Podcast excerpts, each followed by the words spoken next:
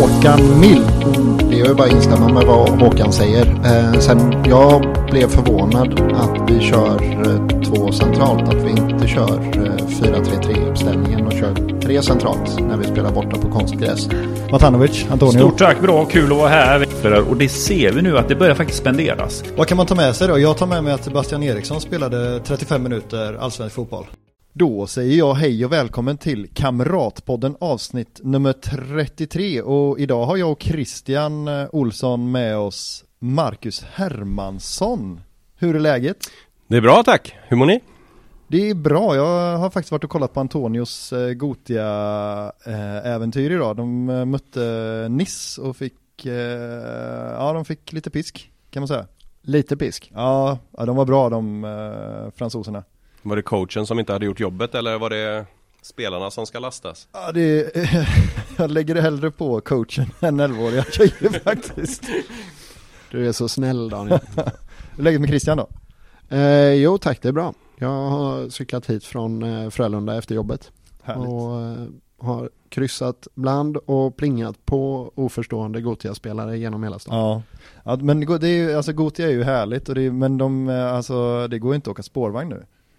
Det, ja, du kör ju bil i och för sig men Jag håller mig från stan ja. eh, just nu Det är alltså, när man ska av så kommer det ett helt lag som ska på samtidigt, alltså det är ju, det är horribelt alltså Ja de är ju värre än infödda göteborgare som, Ja, är, visst. som är ju kända för det och inte släppa av folk innan man ska på. Ja visst, och svettigare också Ja, ja nej, nej det, Ja, ja, det är vad det är. det är vad det är. Men de har kul, eh, de här eh, ungdomarna och det är ju, det är ju huvudsaken tänker jag Ja det var tider när man spelade Gothia Cup, det var kul Ja, har, du eh, kommit långt i Gotia?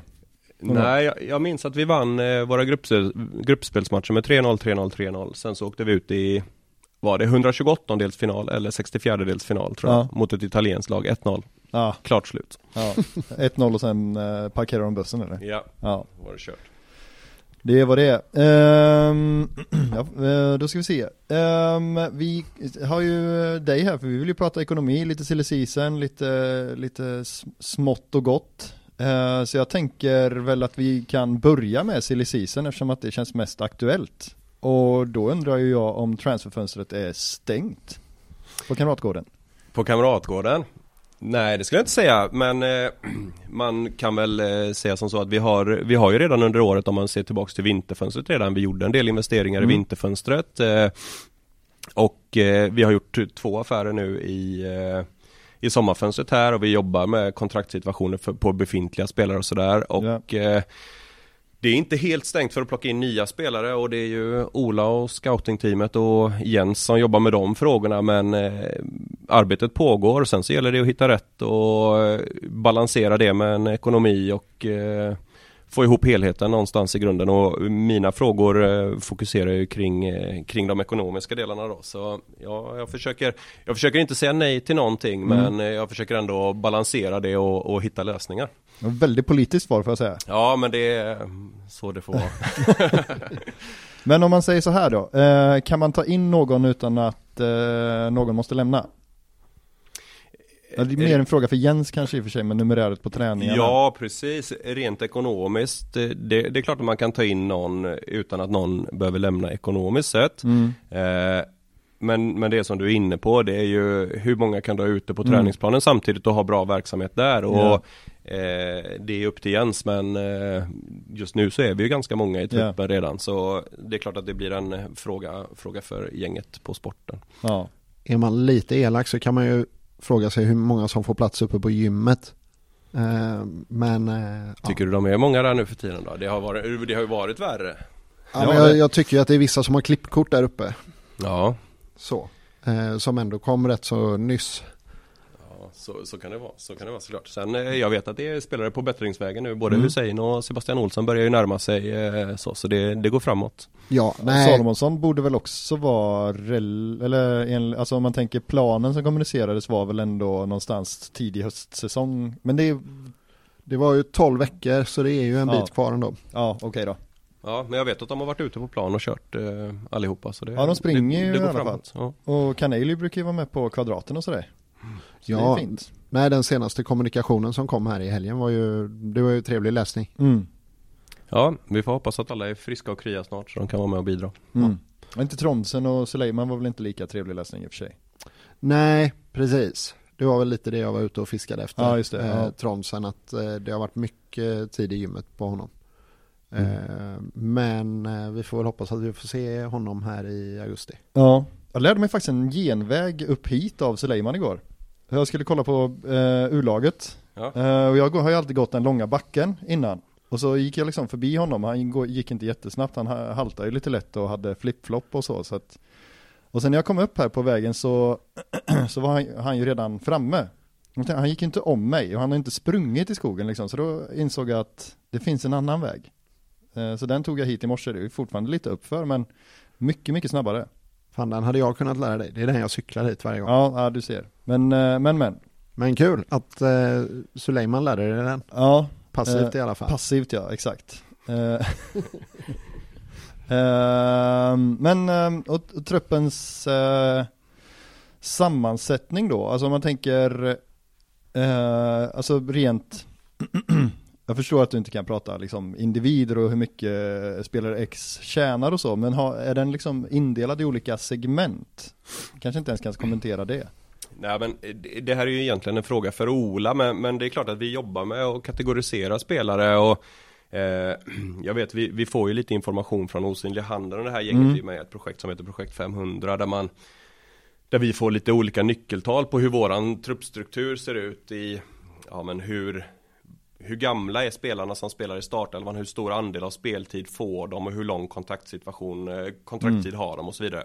Där får, där får vi nyckeltal och ser man på vad som har hänt i IFK Göteborg sista året bara så, så har vi förbättrat våra siffror där eh, avsevärt i att vi har en större andel unga spelare som tar upp en större del av speltiden och det, det ökar säljbarheten på hela truppen och så vidare då. Så vi, vi, vi jobbar ju utifrån eh, den typen av parametrar men Eh, exakta lönestrukturen eh, den eh, håller vi hemlig såklart. Men, men eh, rent generellt så kan man väl säga som så att utvecklingen i truppen från, från det som var för 4-5 år sedan när jag började till nu är ju att det är en lite mer differentierad lönebild kan man säga utifrån eh, spelartyper och eh, värvningar och sådär. Och det har väl med hela den ekonomiska situationen att, göra att eh, 2019 eh, när, när jag började så fanns det inte ekonomiskt utrymme till att göra Nej. den typen av värvningar då. Och det har vi ju jobbat oss till nu de sista, sista året i alla fall då. Ja. Så det, det hänger ihop med det.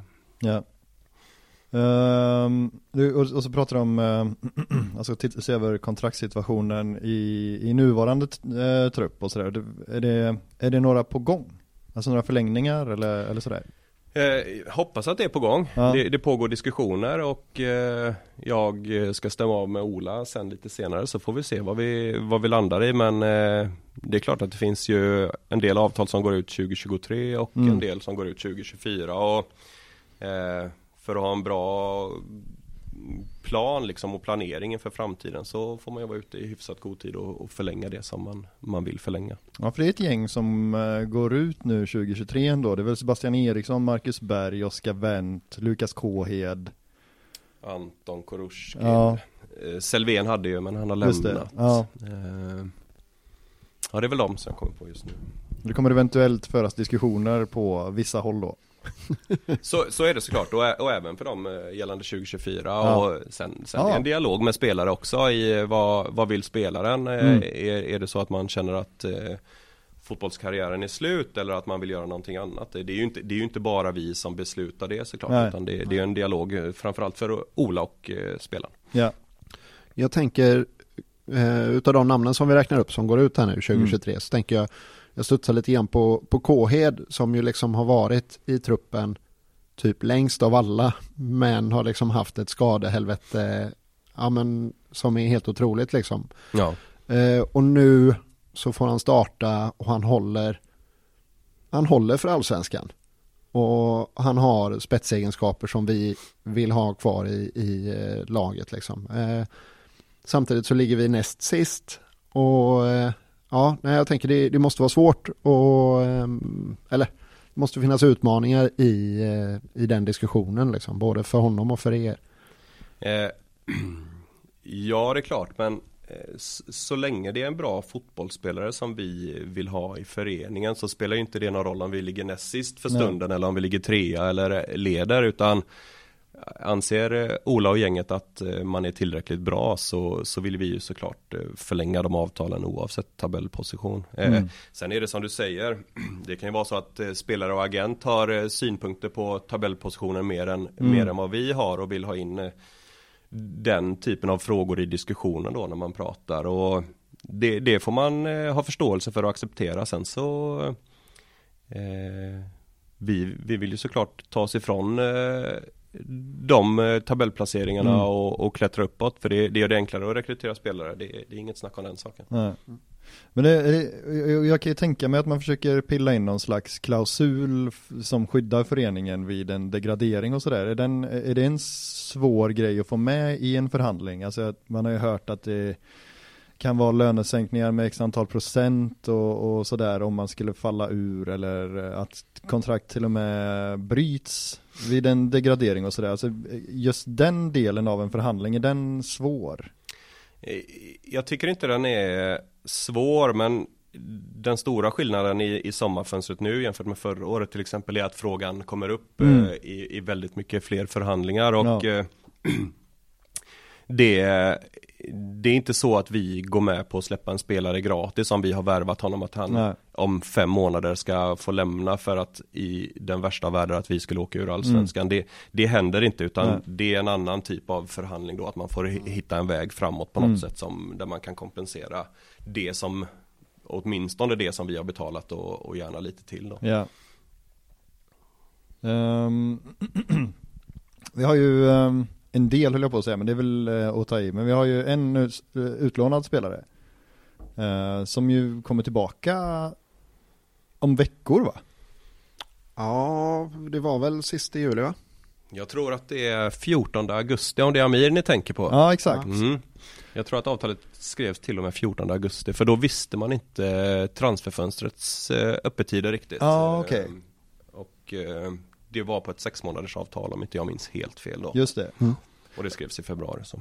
Och, och det ju, förstår ju jag också att det är liksom en förhandling mellan, mellan eh, föreningarna och spelaren och sådär. Men hur brukar det se ut? Eller kan man generalisera kring vem som tar lönekostnaden? Eller 50-50? Eller alltså hur, eller ta just, HBK. just under själva utlåningen menar du? Ja men precis, och det är ju svårt att prata kanske om just Amirs fall, men om man ja. generaliserar så här, alltså brukar lå, in, eller lånande klubb täcka kostnaden eller hur? Jag tror att eh, det kan bero lite på vart spelaren är i, i vilket skede av karriären spelaren är till mm. exempel. Mm. Är det en ung spelare som vi tycker skulle tjäna på att spela i superettan eller division 1 en säsong? Ja, ja men då kan man, man vara mer benägen att ta eh, en del av löneposten eller hela löneposten för mm. att det är ett viktigt steg i att sen kunna komma tillbaka och vara A-lagsspelare i IFK Göteborg. Just det. Eh, sen, sen, kan det ju vara så att man har en spelare som är, eh, sitter på hög lön, mm. som inte är med och levererar i A-laget. Mm. Om en annan klubb då vill ha och ta över den löneposten då frigör man ju utrymme för att kunna göra annat för de pengarna. Så, så det, det är väldigt eh, olika beroende mm. på spelarens vilja också såklart i, ja. i, i vad man vill. Så svårt med ett generellt svar men eh, eh, mycket gällande ja, spelarens vilja, ålder och eh, status egentligen. Ja men för, för det tänker jag på, eller det tänker jag ofta på när, när en spelare blir utlånad till ett lag i utlandet som han till exempel mitt, Djurgårds mittbacken under Larsson som ju är utlånad till Grekland. Och det tänker jag ju någonstans att han har en allsvensk lön, men det kan han ju inte ha om han spelar i Grekland. Alltså hur, hur, hur skulle en sån situation se ut? Alltså kan man få lön från två ställen då så att säga? Eh, det, det, går ju att lägga upp på olika sätt. Man, man skulle kunna göra så att man bara splittar lönen på ja, 50-50 säger ja. vi då. Så betalar Djurgården ut ena delen i det här fallet och den grekiska klubben ja. den andra halvan då. Eh, sen så kan ju det ske via fakturering också att man ja, justerar det. det den vägen såklart. Så det, ja, det finns det. många olika sätt att göra det på. Ja, så det blir som en hyra liksom. Ja, precis. Men jag tänker också i det här exemplet där man lånar ut en yngre spelare neråt i seriepyramiden mm. Eh, för att man tänker att de ska få värdefull A-lagsspeltid. Ja. Eh, blir det inte ett konstigt man ger ju inte den klubben något incitament att spela den spelaren om man tar hela löneposten. Förstår du vad jag menar? Det är liksom en gratis spelare som sitter där. Ja, de, de betalar ingen insats egentligen för, för det. Nej, så är det och ska man se historiskt eh, så som vi har lånat ut spelare så har det många gånger varit sista året på ett kontrakt och mm. sådär och då är det ju inte bra varken för oss eller för den lånade klubben. Att, vad, vad ska man göra med det här då? Låt säga mm. att spelaren presterar under sista året Va, vad gör vi med det så att säga? Mm. Då, då, ska man sitta i den situationen och skriva ett nytt kontrakt men man vet fortfarande inte om spelaren fungerar i ens egen miljö för Nej. att den antingen är för ung eller har varit liksom på gränsen och, och ta steget och bli eh, tillräckligt bra för att spela A-lagsfotboll i IFK Göteborg. Mm. Så jag, jag tycker att man man ska vara väldigt planerande när man lånar ut. Man ska göra det med goda eh, avsikter i att mm. ja, men vi gör det här för utveckling. Vi gör det tillsammans. Vi kommer följa upp och vi gör det för mm. att du, med målet att du ska komma tillbaks hit och spela A-lagsfotboll. Och, yeah. eh, så, så upplever jag inte att det har varit historiskt eh, hos oss. Nej, så det, det håller jag med om. Alltså det känns som att det är ganska många som, ja men Patrik Dyrestam och Karl Boom, eh, ja det blev väl inte så med Tom Amos förvisso men det kändes som att det var ett gäng där som, som man lånade ut i brist på alternativ nästan. Ja. Adil Titti också va? I den gruppen. Ja just det, precis. Eh, Prosper, Kasim. Ja, nej, men det finns, finns ju flera stycken. Eh, och det är, ja det är, det är trist. Men nu känns det som att vi nästan snubblar in i ett ämne som vi eh, har på agendan här lite längre ner. Du tänker på samarbetsklubb eller? Jajamän. Ja. Finns det sådana planer? Eh, det här är ju en fråga för Ola Larsson. Ja.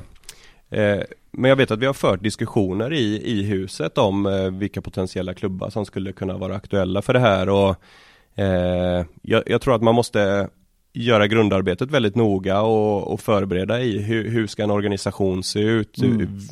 vilken klubb tar beslut i vilka frågor yeah. eh, hur, och hur organisationen ser ut. Så, här. så eh, jag vet att diskussionen, diskussionen pågår och vi utreder frågan. Sen så är det nog en bit kvar till beslut men mm. eh, det är ändå en fråga som är uppe på bordet. Ja, och en, om man tänker att det blir en division 1-klubb så blir det ju svårt för dem att täcka löner liksom.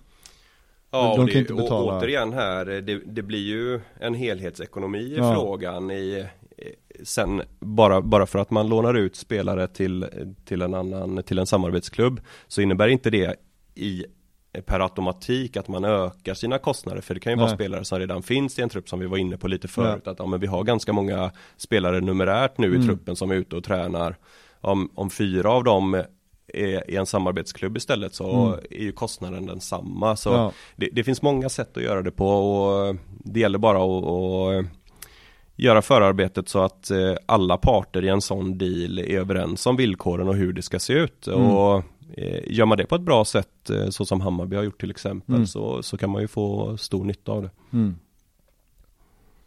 Den modellen som Hammarby använde där de egentligen tog över Frej och, och liksom tog över hela föreningen. Är det den modellen som vi pratar om här? Det vet inte jag. Eh, Nej, vi, så, får, vi får spara den frågan Ja, den Ola. får vi nog spara lite så får Ola, Ola gå in med på det. För det är, han, det är han som sitter med de här frågorna och eh, exakt i detalj hur, hur det kommer se ut, det vet mm. inte jag. För det där kommer det bli livat om, kan jag nästan lova.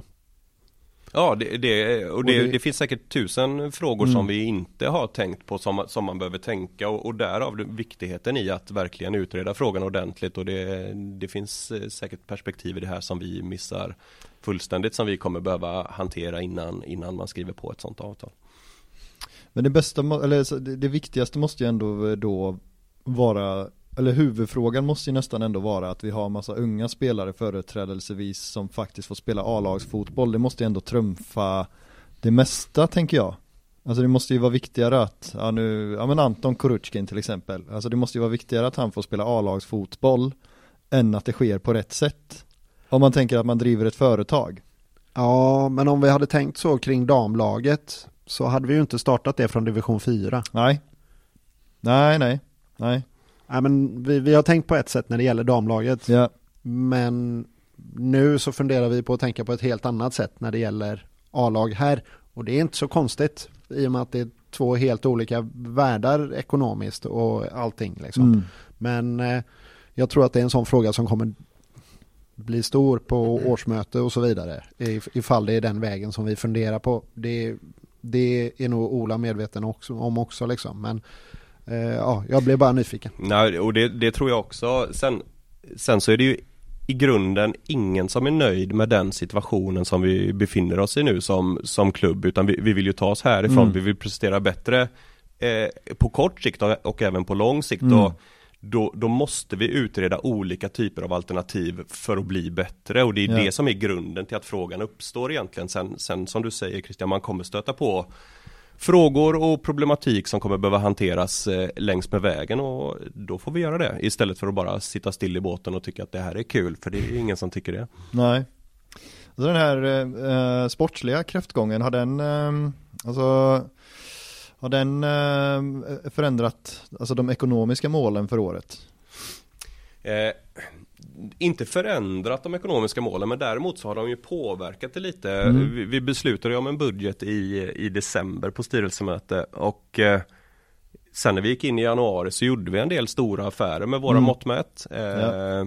Tronsen, eh, Elias Hagen, mm. Sebastian Hausner och det är klart att det påverkar ju ekonomin men men sen dess, eh, sen vi gjorde de affärerna så har vi ju med det i våra prognoser. Vi försöker balansera det med, med ökade intäkter. Vi vet att mm. vi går bra på publik som vi har pratat om. Vi, vi går fortsatt bra på partners eh, och, och sådär. Så vi, mm. vi min, min uppgift är ju på något sätt att balansera det och hela tiden ha en dialog med ledning och styrelse i att ja men så här ligger vi till nu och väljer vi att göra det här så blir de ekonomiska konsekvenserna si och så mm. och eh, därifrån då löpande hela tiden lämna prognoser i att mm. eh, okej okay, men gör vi detta så, så blir det så här. Yeah. Och vi beslutar om en budget på minus 2,5 miljon och vi ligger där i trakterna. Sen, sen är det ju lång tid kvar på transferfönstret. Det kan komma någon eh, klubb som vill köpa någon spelare och mm. då förändras ju allting ganska snabbt. Så eh, det är ekonomisk kontroll för tillfället och eh, gott om tid att göra bättre än, eh, än så så att säga. Ja, och sen eh, blev ju Stare sparkad också. Det vilket eh, gav, alltså då gjorde att man var tvungen att anställa en ny tränare och så har man två liksom löneposter ändå ju. Så är det, så är det och det, det, finns ju ganska mycket plus och minus i det där. De, mm. de spelarna som har lämnat fanns ju med i en budget från början ja. till exempel. Så det, det, blir ju väldigt många olika plus och minus såklart. såklart. Men, men självklart är det så att det har varit dubbla tränarposter ett tag mm. nu då. Så. Men inte Roland Nilsson fortfarande misstänker jag? Inte Roland Nilsson nej. Nej. nej. Någon ordning får det vara. eh, men det är ju, eh, trots eh, sportsliga resultat så har det ju varit en härlig tillströmning till arenan. Det har ju varit jättemycket folk på hemmamatcherna. och, och det är ju härligt och, och, fantastiskt och allting. Kan man, hur kan man kapitalisera ytterligare på, alltså få in ännu mer pengar per besökare? Ja det är frågan, på Ullevi så är det en eh, jätteutmaning för ja. det är inte vi som driver och, och, tar några av intäkterna varken i restaurang eller kiosker och då mm. är våra möjligheter begränsade. Okay. Så det, det är väl i Blåvittkoppen då om vi skulle lyckas sälja mer och det har, det har vi gjort om man ska kolla ja. tillbaks både i år och eh, föregående år egentligen då. Alltså det här genidraget med platspåsen är ju, ja, det. det. är ju en magisk grej för mm. att sälja mer på matchdag i shoppen. Mm.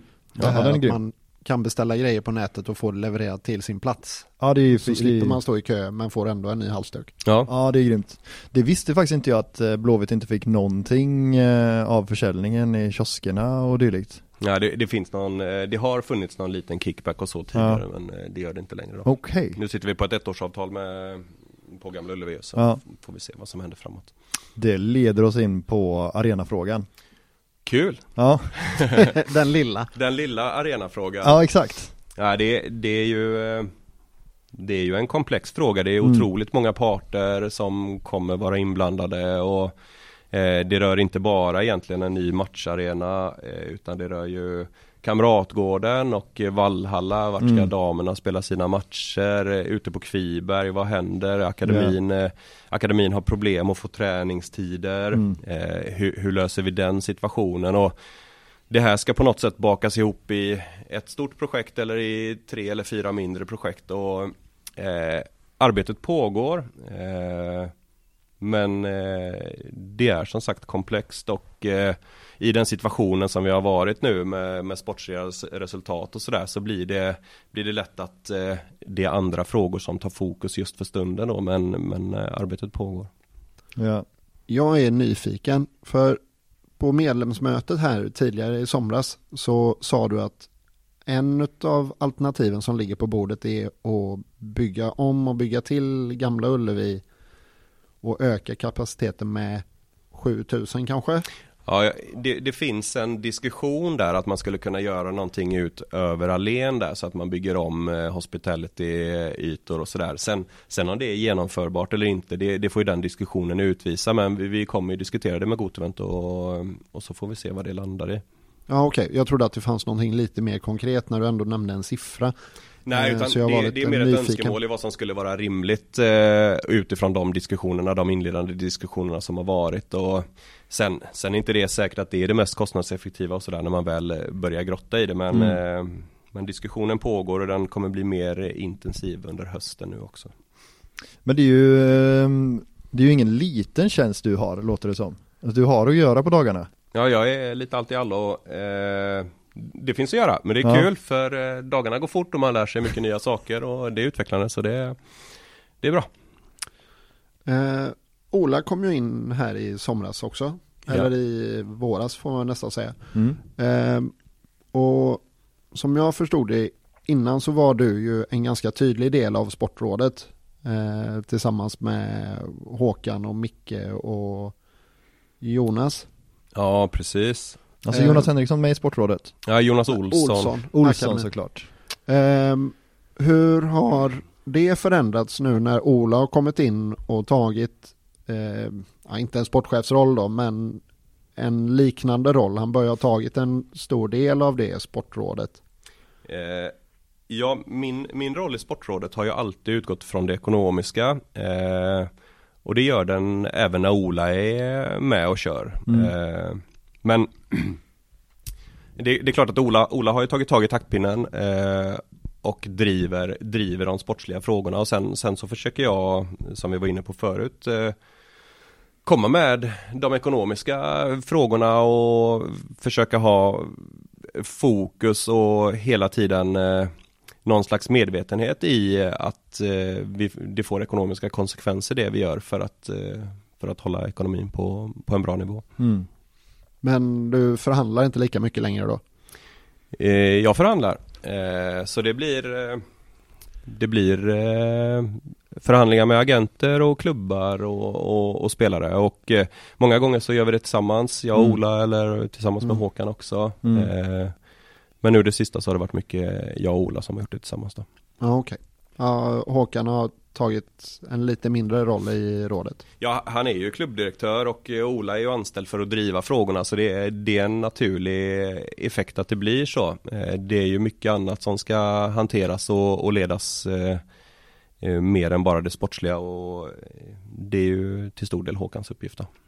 Men eh, alltså, jag är otroligt nyfiken på eh, agentvärlden. Alltså, man hör ju både det ena och det andra. Alltså, är, det, är, det, är det lurigt att sitta i en förhandling med, med ja, inte alla agenter såklart, men det måste ju finnas vissa som är klurigare och har att göra med än andra. Eh, ja, det är klart. Eh, och det är väl som med människor överlag. Vissa mm. människor har man lite lättare att snacka med och vissa har man svårt med. Och så, så är det i den branschen, det är, det är människor det också. Så det, mm. det är klart att eh, vissa förhandlingar går eh, supersmidigt och andra så får man eh, kriga för varje, varje millimeter. Och, eh, där är det viktigt att man vet vad det är man förhandlar om många gånger. Alltså med mm. en spelare nu, nu plockar ju scoutingteamet och Jens och Ola fram spelare som vi ska gå för. Och jag behöver ju någonstans veta, okej okay, men är det 100% att vi ska gå för den här spelaren, vi får inte misslyckas med den här affären. Mm. Eller är det att jag kan vara lite hårdare i förhandlingar? Alltså ja, det, ja. det, finns ju många olika parametrar där, jag behöver ha några ingångsvärden för att kunna göra en bra förhandling. Ja. Alltså det, det är ju inte bara att gå in och säga att du får si och så många tusenlappar i månaden utan eh, för, för, att kunna göra det bra så behöver man ju veta förutsättningarna. Ja, Men jag kan också tänka mig att det blir lite svårare när de kommer ifrån eh, alltså, eh, proffslivet och är vana vid en viss pengasäck och sen, för den är ju inte alls samma i Sverige. Om man jämför, jag vet inte, alltså Bundesliga eller turkiska ligan, alltså Trondsen och, och Suleiman, då måste ju ändå finnas ett, ja men en, eh, ett visst mått av eh, överraskning när de får se förslaget från, från Blåvitt. Jag tror att den dialogen har man så pass tidigt och agenterna ja. gör ju andra typer av affärer i Sverige också ja. så de vet ungefär var lönenivåerna ligger och är man tydlig och ärlig i de frågorna så så, så vet de förutsättningarna redan innan man kommer ja. så pass skarpt in i diskussionerna. Sen finns det ju andra utmaningar eh, just nu, kronans värde mot mm. andra valutor till exempel. Ja. Nu, nu har vi plockat spelare från Danmark och danska kronan står i 1,6 ungefär ja. mot, mot svenska kronan. Och den problematiken är nästan svårare för då då sitter de ju och tappar lön egentligen vad vi än säger och så ska man hantera det i en förhandling och eh, det är en utmaning. Ja, samtidigt som eh, man ju också någonstans måste ha förståelse för att det är ju alltså, det är fortfarande välbetalda människor. Alltså även om allsvenskan ligger lågt i jämförelse med, jag vet inte, Bundesliga eller Premier League och så, så vidare så man blir inte fattig på att vara fotbollsproffs i Sverige heller. Ja, mycket vill ha mer. Jo, jo. Ja, dels det, men sen, sen får man också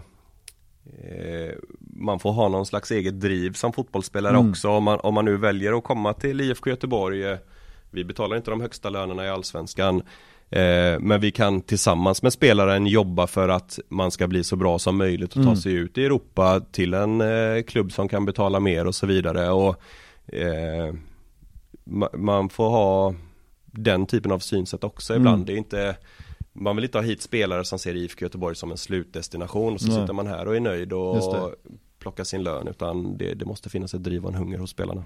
Ja, jag tror när Henrik Larsson, han var väl manager tror jag i Helsingborg där ett tag och då hade de, jag tror att han skar ganska ordentligt i löneposterna med, med det som argument, alltså du kommer ju ändå inte bli ekonomiskt oberoende av att spela i Allsvenskan. Eh, och det är väl någonstans, alltså det är väl någonstans rimligt att försöka alltså, pusha spelaren till att vilja tjäna mer pengar någon annanstans genom att göra det så bra som möjligt för IFK Göteborg då. Så är det. Sen, sen vill man i grunden alltid ha en bra lön när man kommer. Det är, det är som när ni sitter med era chefer och löneförhandlar. Det är, man, man vill Såklart. ändå eh, känna, känna att man får betalt för sitt värde och så vidare. Det finns så många olika parametrar i det och det, så är det för de flesta tror jag. Ja, ja det, det är nog mänskligt ja. Eh, och vilja maxa. Finns det några agenter som Blåvitt inte jobbar med? Eh, vi har ingen lista så här på att den här jobbar vi inte med men Nej. det blir ju utifrån kontakter och relationer många gånger. Sen, sen så var det ju den här, uh, var det Snapchat-agenten eller vad kallades han? Ja, han vi... har vi aldrig jobbat med till exempel men sen om det är en slump eller om det är uh, ett medvetet beslut det kan inte jag svara på men jag, jag kände inte igen det alls när, när det kom upp här, härom sistens då. Ja just det. Sen är det ju, ibland så kommer det spelare och, och man, man kollar ju inte vem agenten är innan man skapar ett intresse för spelaren utan det är ja, Har spelaren en agent som man inte har jobbat med innan, ja, men då jobbar man med den. Ja. Så, så är det ju. Ja. Nej, för jag vet att eh, den här eh, affären kring Alexander Jallow när han skulle komma och allting sket sig i slutförhandlingen här i ett sommarfönster. Just det. Eh, Kenneth var det väl som höll i den va? Det var nog Kenneth på Kenneths sida. Ja. ja, precis. Eh, och jag vet att då fattades det någon sorts beslut om att honom skulle vi inte jobba med eh, framöver. Eh, Men... Namnet har inte figurerat på Kamratgården efter det. Sen eh, visste inte jag att det var ett så tydligt eh, klart beslut men eh, vi har inte jobbat med honom efter Nej. det i alla fall. Och vi ska inte nämna namnet heller tror jag. Eh, här. Vi har ju ingen ansvarig utgivare så det är ju den som nämner det som eh, får stå för det. Ja, just det. Ja, precis. Ja, det kan bli förtal och sådär. Eventuellt. Jag vet inte. Men uh, vi går vidare. Uh, och pratar om uh, framtid då. Om man ser hur, hur mycket eget kapital vill Blåvitt ha alltså om, om tre år? jag tror jag tror inte vi vinner några SM-guld på att ha ett stort eget kapital och mm. någonstans så är det det vi jobbar för. Det är, det är att vara så bra som möjligt på fotboll. Mm. Eh, sitta med eget kapital på 100 miljoner och massa miljoner på banken som inte jobbar mm. eh, och samtidigt komma 8, 9, 10, 11, 12 i Allsvenskan. Det är ingen som blir lycklig av det utan det, det handlar om att hitta en balans och någon slags riskbenägenhet i hur mycket kostnader kan vi dra på oss varje år, år som vi ska balansera med intäkter och hitta en stabilitet i det och det är det som är utmaningen. Man, man kan göra en satsning ett enskilt år och tänka att man ska gå back x antal miljoner men mm. gör du det för många gånger utan att lyckas då, då sitter du i ekonomiska svårigheter så det är en ganska svår fråga och sen om man blandar in arenafrågan i det här då mm. och spekulerar i att en arena skulle kosta en och en halv miljard yeah. till exempel. Då kommer inte 43,6 miljoner eget kapital eh, göra några banker eh, jättesugna på eh, ge ut lån och så vidare. Nej. Så det, det är eh, väldigt svårt att säga att ja, men det ska vara 70 miljoner och så är alla nöjda och glada. För det beror Nej. helt och hållet på vad som kommer hända vid sidan om eh, i utveckling av eh, arena, kamratgården eh, och så vidare. Ja. Det, ja, nej, det låter ju sunt kanske då. Så den dagen vi bestämmer om vi ska bygga en arena eller inte, då ja. kanske det är lättare att svara. Just det. Ja. Uh, men den, uh, men det, det, är ett arbete kring den i alla fall. Det är det såklart ja. och diskussionen är uppe hela tiden och jag menar bara för att vi, eller för att jag jobbar på ekonomiavdelningen, det, det finns inget självändamål i att ha ett eh, jättestort eget kapital utan Nej. det handlar om att få tillgängliga medel och jobba så effektivt som möjligt så att vi vinner fotbollsmatcher. Det är det det handlar om. Så vi har en höst framför oss nu där vi måste vinna fotbollsmatcher på ett annat sätt än vad vi har varit tvungna på på länge liksom. Och transferfönstret är fortfarande öppet. Mm. Det är ingen som vill ligga i superettan med en massa miljoner på banken ifall man känner att de hade gjort nytta nu. Nej, och det, det är så det är och det är så diskussionerna går i att mm. eh, vad, vad skulle det kosta då? Om, om det skulle hända att man åker ur. Den kostnaden ett enskilt år är ju väldigt mycket större än att vi gör en enskild satsning denna hösten på att förstärka truppen såklart. Ja. Och Eh, det vet alla, så ja. Eh, det handlar om att göra Man ska inte förhasta sig och göra massa affärer bara för att utan mm. Vi ska vara säkra på att vi tar in bra spelare men eh, Är Ola och gänget är säkra på det Då försöker vi hitta lösningar såklart mm. Ja, ja. Okej, okay, men uh, innan vi uh, knyter ihop säcken här så Alltså du har ju pratat om att det fanns 20 miljoner att värva för och det har kommit in en eh, free transfer och en eh, värvning. Vilket borde betyda att det finns en del eh, pengar kvar att värva för. Eh, jag eh, skulle inte säga att vi har satt en fast siffra om 20 miljoner i att det vi har att röra oss med men alla är medvetna om att eh, alternativet som finns om vi inte gör det vi kan för att rädda upp den här situationen. Den kostnaden är ju mycket större än att eh, eh lösa situationen och spela i Allsvenskan även 2024. Så det är klart, eh, transferintressenter, det har skett en nyemission där, där mm. vi har fått in eh, x antal miljoner då. Och sen, ja. sen så försöker vi göra allting vi kan med våra egna medel också för att, eh, för att göra bra affärer och vinna matcher. Yeah. Så, så någon fast summa om 20 miljoner det är ju inte, det stämmer inte men alla är medvetna om att vi måste vi måste lösa situationen eh, och det ska vi såklart göra allt för. Ja men det här mm. låter ju som att Addik Bendro är på väg in här nu. ja vi får se vad som händer. Jag får ringa Stig sen får vi se vad han har, eh, har jobbat med idag. Ja, det hade varit något. Ja, i Peking är de ju sura på honom så vi hoppas att vi kan snå, att eh, Stickan kan lösa det igen då. Ja, ja det hade varit något. Men uh, han ska inte behöva kosta 20 miljoner tänker jag. Kina vet du. Ja, nej. Men, uh, men rent teoretiskt då, om vi, om, vi, om vi leker med att om vi leker med tanken att det finns 20 miljoner och så försvann det, jag vet inte, 10 miljoner på de här två då. Skulle man, skulle man kunna investera 10 miljoner i en sign-on liksom? Alltså rent hypotetiskt. Hypotetiskt eh, så är ju det en fråga för eh, Ola och sportgänget om de tycker att det är värt 10 miljoner Ja. i, i sign-on till en spelare. Men, men det finns lite olika parametrar i det Ja. för den, den ena är likviditetsdelen i det här då. Okej, men har vi 10 miljoner plus sociala avgifter liggande på våra konton och Mm. i så fall vill vi lägga dem på en spelare. Den andra delen är att eh, en del av de här pengarna påverkar resultatet. Okej, hur mycket påverkar resultatet då? Är Ja. vi beredda att ta den eh, ekonomiska konsekvensen av det beslutet och ge någon 10 miljoner? Det kostar oss 13 miljoner då. Mm. Eh, men det är klart, bestämmer vi oss för att göra det och, och känner att det är rätt väg för att spela i Allsvenskan 2024, ja men då, då är det ett beslut som, som kommer tas. Eh, Mm. eh, för eh, det är ingen som vill spela i Superettan. Nej. Nej. Det är ganska få i nuvarande eh, trupp också skulle jag gissa som vill spela i Superettan nästa år. Det tror jag också. Alltså det här snacket som har gått runt Blåvitt i supporterkretsar om att eh, det hade varit bra om Blåvitt åkte ur och tog ett eh, år i Superettan och, vände tillbaka starkare som någon sorts skärseld. Det, har tror varit- jag bara är bra i, i football manager.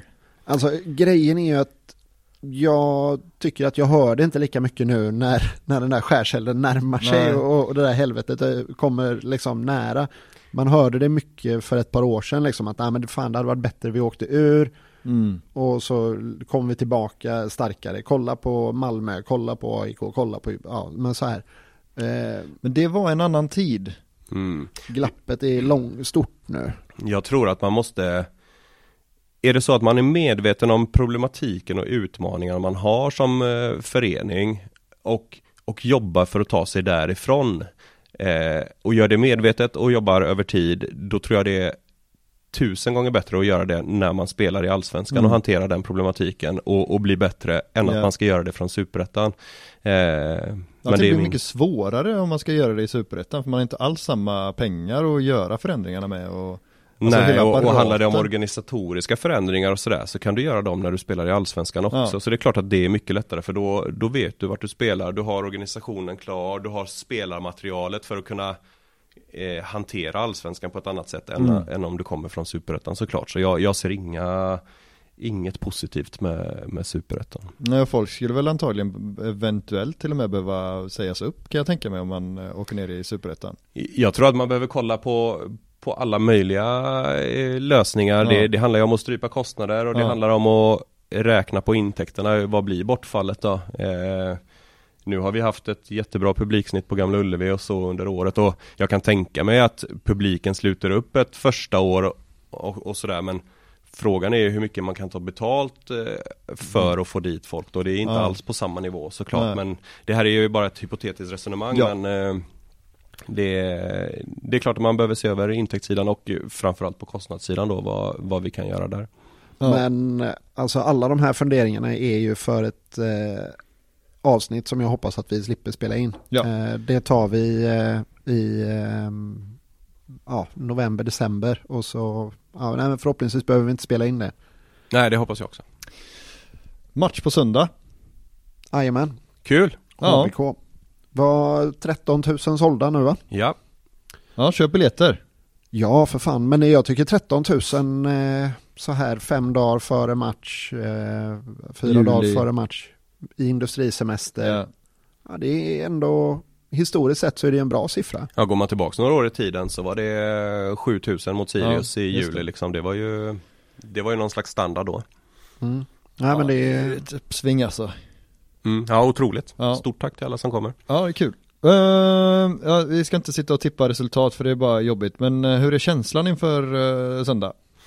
Jag har alltid en bra känsla de här eh, dagarna inför matchen. De sista timmarna inför, då är det mycket eh, nerver och sådär. Ja. Men jag eh, tycker att vi gjorde en bra prestation i, i söndags och att vi ska bygga vidare på, på stora delar av det. Vi skapade fler chanser än vad vi har gjort tidigare. Vi, Mm.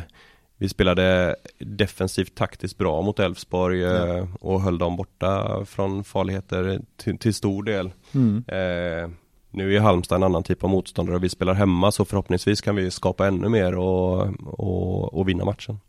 Det hade varit fint. Hur känns det för dig Christian? Nej men det känns, eh, efter Elfsborg så känns det bättre. Eh, och jag blev, eh, Jens överraskade mig med elvan. Mm. Och det ska bli spännande att se vad han drar ur sin hatt mot, till matchen mot HBK. Mm. För det är ju som sagt en annan typ av match. Men ja, nej, men det ska bli kul. Jag hörde att Hagen var kratslig här nu igår och inte ja. spelade U21. Jag hade hoppats på att eh, Jens skulle kanske kunna peta in honom och få igång honom mot ett lite lägre stående Halmstad.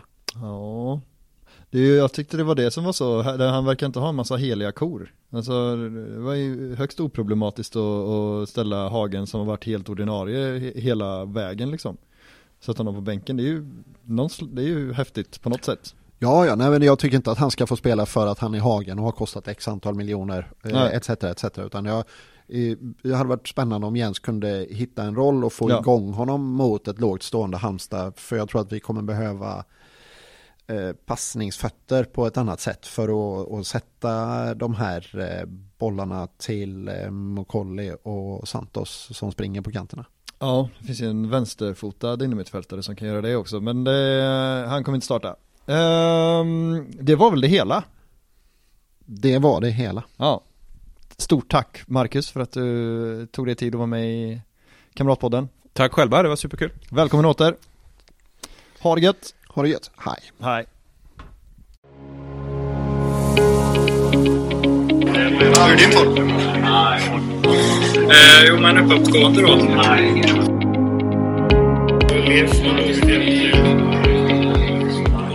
pojk att jag... Ja, det var en dröm att spela i ett skitboll.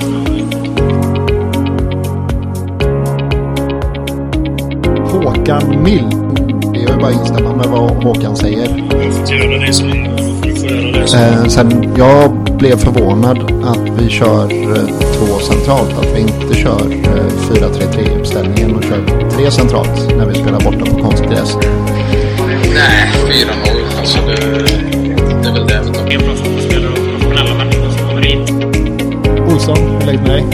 Matanovic, Stort tack, bra, kul att vara här. Vad kan man ta med sig då? Jag tar med mig att Sebastian Eriksson spelade 35 minuter allsvensk fotboll. Faktiskt det. Det är ju inte många år man ska vrida klockan tillbaks när man faktiskt kunde tänka sig att en spelaraffär in till allsvenskan över 10 miljoner, det skulle nästan vara otänkbart. Det är många klubbar som senaste boksluten redovisade rekordsiffror och det ser vi nu att det börjar faktiskt spenderas. Eh, nej men det är ju en sån liga som är lite grann som Championship var förr fullt ös, inte riktigt eh, hålltätt bakåt. Nej. Utan eh, ja, raka rör